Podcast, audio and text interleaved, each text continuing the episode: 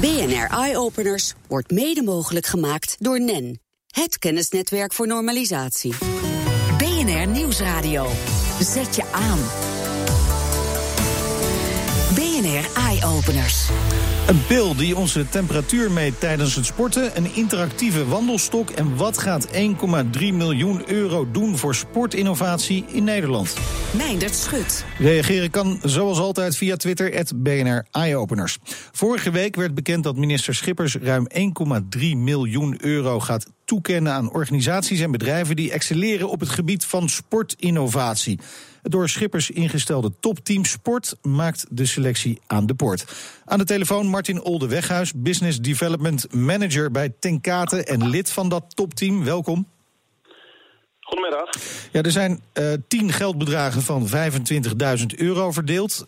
Waar heb je op gelet bij het maken van die selectie? Waar we met name op gelet hebben is, uh, wat is de haalbaarheid? Dus een, een, idee is leuk, maar er moet wel een zekere mate van haalbaarheid uh, in zitten. Het moet natuurlijk te goede komen aan de sport, maar er moet een goede business case achter zitten. En op termijn moet die natuurlijk internationaal uit te dragen zijn. En, en maar ja, goed, dan, zijn er ongetwijfeld nog steeds heel veel bedrijven die zo'n financiële impuls goed zouden kunnen gebruiken. En die ook voldoen aan deze eisen. Kun je dan nog makkelijk een selectie maken? Dat moet natuurlijk wel uh, nieuw en innovatief zijn. We hebben, ja. een heleboel, we hebben een heleboel ideeën gehad. Best allemaal goede ideeën maar niet baanbrekend. Uh, het moet natuurlijk wel zo zijn dat en de topsport, maar zeker ook in de toekomst de breedte sport. Uh, zelfs de ouderen, weet je, bewegen, uh, gezond.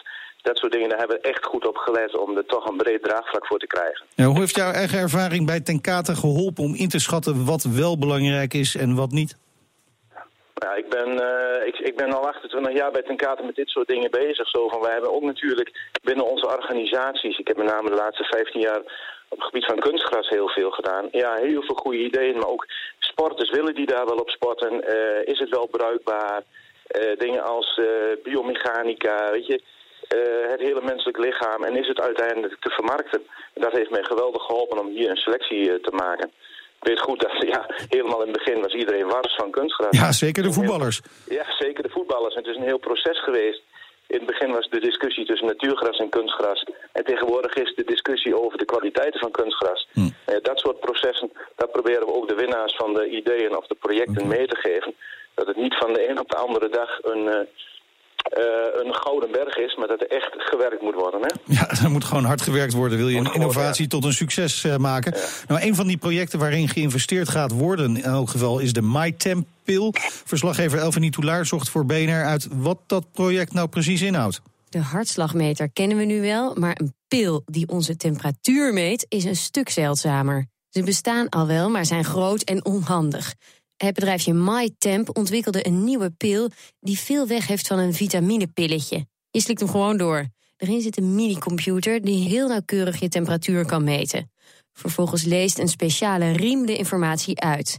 En dat levert belangrijke gegevens op voor topsporters, maar ook voor bijvoorbeeld vrouwen die zwanger willen worden of ziekenhuispatiënten. Deze pil ja, die maakt gebruik van wel uh, wat, wat er net op de markt is. Het allerkleinste computertje wat je zo'n beetje kan kopen. Legt Clemens neer voor het van MyTemp uit. Er zit geen batterij. Dus het maakt gebruik van, uh, van de riem die hem van energie in voorziet. Dus dat, dat scheelt ook een hele, hele hoop milieutoestanden. De prijs kan dan ook heel laag blijven. We stoppen alle energie in het ontwikkelen van die ingewikkelde elektronische riem. Die pil daarentegen die heeft geen batterij, kleine opneemspoeltje en een goede sensor. De pil is niet alleen geschikt voor sporters en zieken, maar ook vanuit een hele andere hoek blijkt er interesse te zijn. Deze techniek zou ook kunnen gelden voor het meten van vocht. Uh, we hebben bijvoorbeeld aanvragen uit de betonindustrie van ja, die sensor, wij, wij meten ook graag temperatuur in de betonnen paal die net aan het uitharden is. We zouden ook graag vocht willen meten. Kan dat ook? Ja, daar, daar kunnen we aan beginnen. Daar, daar, hebben we onderzoek naar gedaan. Maar even terug naar het pilletje zelf. Je moet hem dus doorslikken, net als een vitaminepil. Maar hoe lang blijft hij dan eigenlijk in je lichaam zitten? Als je gaat hardlopen, zou je hem eigenlijk 's ochtends moeten innemen. En dan, uh, nou, dan vlak voordat je gaat hardlopen, doe je die riem even om. En dan kun je de hele dag uh, meten. 24 uur later verlaat je natuurlijk weg je, je lichaam. En volgens Neervoort heb je daar geen enkele last van, weet hij uit eigen ervaring. Nou, je kunt zich voorstellen dat ik natuurlijk zelf persoonlijk en een heleboel uh, kennissen om me heen al maandenlang die pil uh, slikken om testen te doen, om te kijken of het, of het goed gaat, of die makkelijk slikt. Uh, er is ook veel energie gestoken om zo te maken dat hij zich als een normale pil in het lichaam gedraagt. Dus zeg maar bijvoorbeeld hij is even zwaar als een, als vitaminepil. En hij, hij gaat niet drijven in, in water. Hij, hij, laat, hij gaat heel mooi door je lichaam. Je merkt er niks van. Ja, het is toch even slikken, zo'n stuk eh, technologie naar binnen werken. Maar uh, Martin Oldeweghuis van uh, Ten is dit nou, nou echt zo'n voorbeeld van een innovatief product met de juiste impact? Ja, dit is een typisch, typisch voorbeeld. het is heel goed te gebruiken in de topsport. Het is heel goed te gebruiken in de breedte sport. Maar weet je, je, ziet, je ziet ook dat het dus breed toepasbaar is, zelfs in beton. Het is uh, internationaal in te zetten. Het is een goedkoop ding om, om aan te schaffen. Dus het kost geen 100.000 euro. Het is gewoon allemaal betaalbaar. Dus de business case die hierachter zit... Uh, het versterken van het Nederlandse klimaat. Ja, dat is, dit is nog typisch zo'n voorbeeldproject. Ja, een typisch voorbeeldproject krijgt nu dus een duwtje in de rug met die investering. Uh, hartstikke goed natuurlijk, maar is het ook genoeg? Hè? Blijven we voldoende bij in Nederland als we kijken naar de rest van de wereld? Nou, weet je, die 1,3 miljoen is natuurlijk een druppel op de gloeiende plaat. Uh, dit, dit, dit moet veelvoudig gaan worden, maar daarvoor hebben we natuurlijk wel het Nederlands bedrijfsleven nodig. Daarom zit ik ook in het topteam. Ik, kom natuurlijk uit het bedrijfsleven. En het bedrijfsleven moet uiteindelijk moeten ze er geld in gaan zien om fors te gaan investeren. Maar uh, wat gaat Tenkate investeren dan bijvoorbeeld? Nou, Tenkate gaat niet in, in dit pilletje investeren. Maar Tenkate heeft natuurlijk, als je kijkt op het gebied van kunstgras... Uh, toen begin jaren 2000 begonnen... Ja, toen, was, toen stond één klein fabriekje. Tegenwoordig is de fabriek met een omzet van 250 miljoen. Waarvoor, uh, ja, ik denk dat er voor 50 miljoen in nieuwe apparatuur geïnvesteerd is gedurende die tijd. Dus dat is de business case die erachter hangt. Zo zal ook een bedrijf, dit is het ontwikkelbedrijf waar hiermee bezig is voor die pil. Zo zullen ook uh, grote bedrijven hierin geïnteresseerd raken. Of private investors die hier fors in gaan investeren om te zorgen dat dit een wereldsucces gaat worden. En dat is natuurlijk de drive. Kijk, het gaat over kennisvalorisatie ontzettend veel kennis in. En dat levert dan gelijk een, een, fabriek op die dit soort dingen gaat maken. Tot slot, want er zijn meerdere producten die uh, deze investering hebben gekregen. Wat, ja. wat was uh, wat jou betreft de mooiste? Uh, ja, ik vond, dit wel, ik vond dit wel een hele mooie. En dan vond ik de, de, de Equistring, de, de force sensor. Dus om het paard te begeleiden met krachtsensoren je niet hele paard als op kaart trekt, zeg ik altijd maar even. uh, maar, uh, maar dat er echt goed, goed gekeken wordt naar de welzijn van het dier. Uh, en, en ook dit zal een brede toepassing kunnen gaan vinden in allerlei, in allerlei applicaties waar krachten gemeten moeten worden. Hartelijk dank voor dit gesprek. Martin Oldeweghuis van Tenkate. BNR Nieuwsradio. BNR Eye Openers. Nou, straks gaan we nog even verder over de sportinnovaties. Maar uh, eerst naar Rotterdam, want uh, die stad heeft een nieuw wapen in de concurrentiestrijd met andere wereldhavens, de 3D-printer. Tijdens een conferentie presenteerde het havenbedrijf zijn plannen voor de toekomst. En president-directeur Allard Kastelein van het havenbedrijf Rotterdam legt aan verslaggever Jigo Krant uit wat er nou precies gaat gebeuren. Wij willen metalen onderdelen gaan printen voor schepen, raffinages, de petrochemie en voor de offshore-industrie. En dan kunt u denken aan uh, kleppen, cilinders, afsluiters die op bestelling gemaakt moeten worden. Dus unieke producten die onmiddellijk een probleem opleveren als die niet functioneren en waar bedrijven dus dan behoefte aan hebben. Waarmee je bij 3D-printen dat sneller zou kunnen doen, gewicht zou kunnen besparen en kosten zou kunnen besparen. En dat willen we onderzoeken om te bezien of dat een, een plek kan hebben in de hele aanvoer van materialen en middelen. Loopt Rotterdam daarin voorop? Ja, daar lopen we in voorop. Ik wil het wel gaan delen met de haven van Singapore en bijvoorbeeld Houston. Want ik geloof dat als je dit met elkaar deelt en ontwikkelt... dan ga je nog sneller op die ontwikkelingscurve. En daar hebben we allemaal profijt bij. Want hoe kan de Rotterdamse haven hier echt van profiteren? Nou, het, het, gaat niet om, zozeer direct om geld. Het gaat om een vooraanstaande haven blijven in slimme oplossingen. Dit kan werkgelegenheid opleveren, technische kunde en kennis, onderzoek... en een vooraanstaande rol voor het havencomplex. En wat zou een 3D-conferentie zijn zonder 3D-printers? Er staan er een paar in de hal en daarbij mannen in witte pakken. Wat bent u aan het printen? We zijn nu voedsel aan het printen. Wat heeft dat met de haven te maken? Nou, ik denk dat het sowieso te maken heeft met digitalisering van fabrikageprocessen. En op het moment dat je digitaal dingen kan fabriceren... hoef je niet meer fysiek dingen te verplaatsen. En dan is het een kleine stap van een koekje printen naar ijzer printen? Ja, ja, dat is allemaal heel nauwkeurig op elkaar leggen van materiaal. En of je nou met etenswaar doet, of met metaal, of met kunststof. Ja, op die manier zou je alles kunnen opbouwen. Patrick de Winter, werkzaam bij Shell als eh, Innovation Advisor. Een bedrijf als Shell is toch vooral in de weer met olie, met benzine. Waar heb je dan een 3D-printer voor nodig? Uiteraard opereren wij op meer, veel meer gebieden nog. We hebben ook uh, grote platformen om die spullen uit de grond te halen. Grote engineeringprojecten. Waarbij je gaat kijken van kunnen we op een andere manier onze uh, faciliteiten inrichten. Kunnen we drijvende objecten lichter maken door de unieke capaciteit van 3D-printen. Door materiaal weg te halen. Maar u gaat niet een compleet boordplatform printen, neem ik aan? Nee, zeker niet. Nee. Dat zal name zijn in bepaalde onderdelen die er zijn. Of bijvoorbeeld schaarste onderdelen. Of onderdelen die langere levertijden hebben. Dat is het eerste waar je aan moet denken. Ik ben Ajit Bakkas, ik ben trendwatcher en ik spreek hier vandaag in de haven van Rotterdam over de toekomst van 3D-printing in het havengebied. En hoe groot wordt 3D in de toekomst hier in de haven? Ik denk dat 3D heel groot gaat worden. Kijk, met de 3D-printer worden onderdelen van schepen gefabriceerd ter plekke, zodat je niet hoeft te wachten als een schip kapot is tot het wordt ingevlogen. Zometeen geeft het schip dat zelf aan. Vlak voor het schip de haven binnenkomt, zegt het schip zelf: dit onderdeel is bijna defect. Alsjeblieft, print een nieuwe. Het schip heeft allemaal sensoren. Die sensoren gaan zelf een monteur selecteren, offertes vragen, zorgen ervoor dat de monteur er op tijd is, dat hij het onderdeel vervangt en dat hij ook betaald wordt. En als eigenaar van het schip merk je pas als de rekening binnengekomen en betaald is, krijg nou wat. Er is een onderdeel vernieuwd. Ja, krijg nou wat. Al dus uh, trendwatcher Ajit Bakas tegen BNR's Yigal Krant. En zometeen in de uitzending van Eye-Opener sportinnovatie voor ouderen met de interactieve wandelstok van Springlab. BNR Nieuwsradio. Zet je aan. BNR Eye-Openers. We hadden het er net al even over, hè, de flinke investering in sportinnovatie van minister Schipper. En we blijven even bij dat onderwerp, want ook het uh, volgende product van Springlab heeft namelijk een deel van die investering mogen ontvangen. Jan-Paul de Beer, chef Springlab. Uh, zo, dat is je titel, ja, mooie titel trouwens. Uh, kom je niet zo heel vaak tegen. Maar welkom in de studio. Wat hebben jullie uh, precies bedacht op het gebied van sport? Ja, we hebben de Optimistic bedacht. Dat is een uh, interactieve wandelstok die uh, uh, ouderen helpt om meer te bewegen. Vooral voor ouderen is tegenwoordig lastig om in beweging te blijven. Ze moeten steeds langer thuis wonen en zijn zorgbehoevend. Maar zie dan maar eens uit je stoel te komen. het ontbreekt vaak aan, aan, motivatie. Terwijl bewegen juist heel goed zou zijn voor hun welzijn en gaat ook eenzaamheid tegen. Oké, okay, ja, uh, fantastisch. Dat is natuurlijk ja. heel goed om een ouder in beweging te, te helpen. En met een interactieve wandelstok zou ja, ik dan ja. kunnen zeggen. Maar toch even, wat heeft het met sport te maken? Ja, goede vraag. Um, ouderen die uh, allerlei lichamelijke beperkingen hebben, ja, die kunnen ook niet meer sporten. Dus voor hun is bewegen gewoon heel erg belangrijk en al een enorme win. Dus eh, daarom is ook vanuit deze subsidie wordt er breder gekeken dan alleen maar sport. En dat is wat we net ook al hoorden van uh, Martin uh, Olde, weging van, uh, van die dat ook al zei. Um, maar wat kan precies, hè, want je zegt het is een interactieve wandelstok. Wat kan die precies betekenen voor die ouderen dan? Waarom gaan zij door deze wandelstok wel meer bewegen? Ja, uh, het probleem bij de ouderen is dat ze een gebrek aan motivatie hebben om in beweging te komen. Ze ja, willen ik zelf ook wel eens last van, maar... Herkenbaar. Ja.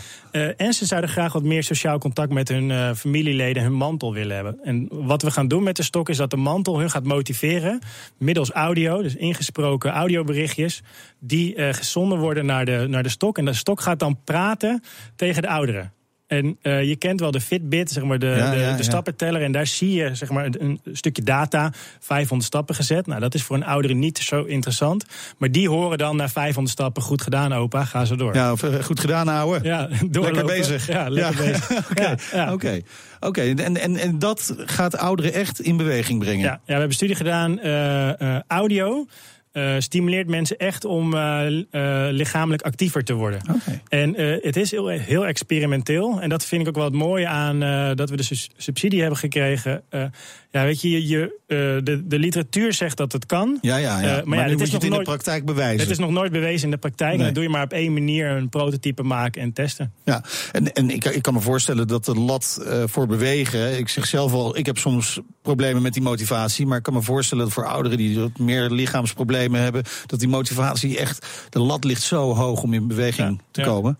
Ja, kijk, um, wij zijn een innovatiebureau met als missie om mensen te helpen om meer te bewegen. En wat is er dan mooier ja. om bij mensen bij wie het echt nog wat uh, teweeg kan brengen, om daar je inzet uh, ja. op in te zetten. Nou hebben jullie die investering gekregen. Wat gaat die investering mogelijk maken? Ja, we gaan er nu echt een prototype van van maken. Oké, dus, om het ook echt in de praktijk te gaan bewijzen. Ja, dus we gaan nu een wandelstok uh, vol stoppen met allerlei elektronica. Uh, en uh, we hebben al allerlei ouderen geregeld waarmee we een test gaan doen. Ah, een testpanel. Een testpanel, precies. Ja. en die hebben er zin in, kan ik me goed voorstellen. Ja, die vinden dat heel leuk om te doen. En, en de, de oudere mensen van tegenwoordig die zijn ook echt best wel techniekwijs. Okay. Dus die willen ook graag bijblijven. En vinden het daarom ook leuk om daaraan mee te ja, doen. Dan zat ik wel te denken, hè, waarom een wandelstok? Waarom niet bijvoorbeeld een ander apparaat dat we ook wel rondzien uh, uh, wandelen, eigenlijk met een oudere erachter, de, de, de rollator? Ja, ja, dat hele goeie. Dat kregen wij ook als uh, tip uit, uit de topteam sport. Okay. Uh, denk breder dan alleen de wandelstok. Ja, en daar zijn we nu ook mee bezig om uh, wat universeler te denken naar een, uh, dat je het kan toepassen op een wandelstok, maar ook op een rollator. Oké, okay, okay. en wanneer, wanneer is het prototype er? Wanneer gaan jullie aan de slag met ja, de praktijkproeven? We zijn nu al bezig. over een half jaar kom ik graag terug om het aan je te laten zien. Oké, ja, dan wil ik ook wel filmpjes zien. Ja. nou is het niet het enige wat jullie hebben ontworpen om ouderen te stimuleren om in beweging te komen. Eerder groot succes was de tovertafel. Klopt. Kun je voor de mensen die niet direct weten wat dat is, nog even vertellen wat, wat dat zorgt, wat het gaat doen? Ja, de tovertafel is een uh, product wat ontworpen is voor mensen met zware dementie in verpleeghuizen. Uh, deze mensen zitten echt de hele dag uh, voor zich uit te kijken. En het is heel moeilijk voor hun om nog in beweging te komen. En ook voor het zorgpersoneel om dat te doen. Okay. Die zijn al heel erg druk met zorg verlenen. En de tovertafel projecteert op de eettafel in een verpleeghuis licht waar ouderen mee kunnen spelen. Als je je hand uh, over de tafel veegt, dan reageert het licht op jouw beweging. Nou, toevallig heb ik volgens mij zo'n tafel gezien onlangs bij Nemo in, uh, in Amsterdam. Ja, ja, het Wetenschapsmuseum, ja. waar je dijken en zo moet, uh, ja, het water kunt in beweging kunt brengen of niet. Zelfde techniek. Zelfde techniek, oké. Okay. Okay. Nou, als mensen dus willen weten hoe die tovertafel werken, bij Nemo gaan kijken. andere projecten, want jullie zijn met ontzettend veel bezig, zag ik op jullie website. Projecten waar jullie nu mee bezig zijn? Ja, ik, ik, kom net van een test af voor een groene golf voor fietsers. Oh. en dat doen we in Utrecht. zijn we bezig om fietsers te helpen om van tevoren, voor het stoplicht, al een indicatie te geven welke snelheid ze moeten fietsen om groen licht te halen. In okay. plaats van dat je constant stil moet staan. En, nou, maar hoe werkt het dan? Want, uh, hangen er dan borden? Of krijg ik bij mijn fiets echt een uh, signaal van ja. uh, even doortrappen, ja. Ja, de eerste test die we gedaan hebben is een, een LED-lint van 100 meter oh, in de ja. weg. Okay. waarbij er een lampje voor je uitgaat, die moet je volgen. En heel gaaf, ook s'avonds tof om te zien. Maar ja, het leidt misschien iets te veel af van okay. het verkeer. en vanochtend hebben we een test gedaan dat je inderdaad een bord hebt die een signaal geeft aan jou. Je moet een beetje versnellen of je moet een stukje harder fietsen. Of doe en, maar en die staat dan aan. bijvoorbeeld 100, 200 meter voor het stoplicht? Ja, exact. Oké, okay, oké. Okay. En, en, en de proef hebben jullie gedaan? Ja, die proef was uh, succesvol. Uh, de gemeente was er ook bij. En um, ja, we gaan hiermee verder, want dit was, een, ja, was een succesvolle proef. Oké, okay. jullie zijn nu vooral in Nederland bezig? Ja. Wanneer komt de stap naar buiten? Want zeker ook met ja, die ouderen die weinig in beweging komen, die heb je overal in de wereld natuurlijk. Ja, ja. kijk, op het gebied van beweging zie je echt dat het een wereldwijd uh, probleem is. Je, bij ouderen, maar je ziet ook bij kinderen. Obesitas bij kinderen is ook een groot topic. En dat komt ook met name doordat ze weinig bewegen. Uh, de tovertafel die gaat al uh, uh, internationaal. morgen komen er Belgen langs voor, voor het Groene Golf oh, ja? concept. Okay. Dus dat gaat, as we speak, gaat dat lopen nu, ja. Ja, ik zit wel te bedenken met die Groene Golf. wij hebben hier natuurlijk overal van die prachtige fietspaden. Dat is niet overal zo. Hoe ga je dat in België oplossen? Nou, daar hebben ze ook fietspaden. Oh, daar hebben ze wel fietspaden. ja, ja, ik fiets niet, niet zo, mooi. heel vaak in België. Misschien moet niet zo mooi als in Nederland. Nee, nee, nee, precies. maar goed, daar, daar, daar verzin je dan wel weer een uh, aparte oplossing precies. voor, kan ik me zo ja, voorstellen. Nou, heel veel succes met uh, alle projecten. En die investering vanuit het Sport Innovatiefonds... die gaat het dus mogelijk maken om een prototype van die wandelstok... de Optimistic, yes. mooie naam ook, uh, te krijgen. En over een half jaar dan hebben jullie de eerste resultaten binnen. Ja, dan komen we terug en laten hem zien. Ik ben heel benieuwd. Heel veel succes daarmee. En bedankt voor de komst naar de studio. Jan-Paul de Beer, chef van Springlab. Dankjewel. Ja, wat doet de rest van de wereld op innovatiegebied? We gaan ook even internationaal. Wat zijn de trends in het buitenland? Deze week vragen we het aan innovatieadviseur Rory Nuyens in Turkije. De Innovatiehub. Wat speelt er allemaal bij jou? Ik zie in Turkije momenteel uh, grote ambitie op het gebied van uh, elektrisch rijden. Turkije heeft de ambitie om een eigen elektrische auto te ontwikkelen. Dat doet men op basis van de Saab 9-3. Daarvan hebben zij de licentierechten gekocht. Je ziet ook dat een Turks bedrijf uh, nu een eigen batterijcel voor elektrische auto's heeft ontwikkeld. Nu is men bezig om, om die batterijcel productierijp te maken. Ook zie ik dat een Turks bedrijf heeft een elektrische bus heeft ontwikkeld. die, die momenteel al in Turkije rondrijdt. En er zijn ook bedrijven die bestaande auto's tot elektrische auto's kunnen ombouwen. En die bijvoorbeeld ook oude batterijen in auto's hergebruiken voor zogenaamde energy storage systemen. En wat zijn de uitdagingen? Met name als het gaat om het ontwikkelen van een laadinfrastructuur. Die is in Turkije nog, uh, nog niet aanwezig. In de stad Istanbul zijn er een aantal bedrijven die laadpalen neerzetten. Maar er is nog geen uh, landendekkende infrastructuur aanwezig. Daarnaast breekt het nog eigenlijk aan een beetje governance van de overheid. Dus uh, waar zijn de subsidiesystemen uh, om zo'n laadinfrastructuur te ontwikkelen? Dat project om die eigen elektrische auto te ontwikkelen is nationaal bekend. Hè? Dus dat, iedereen, iedereen weet dat wel.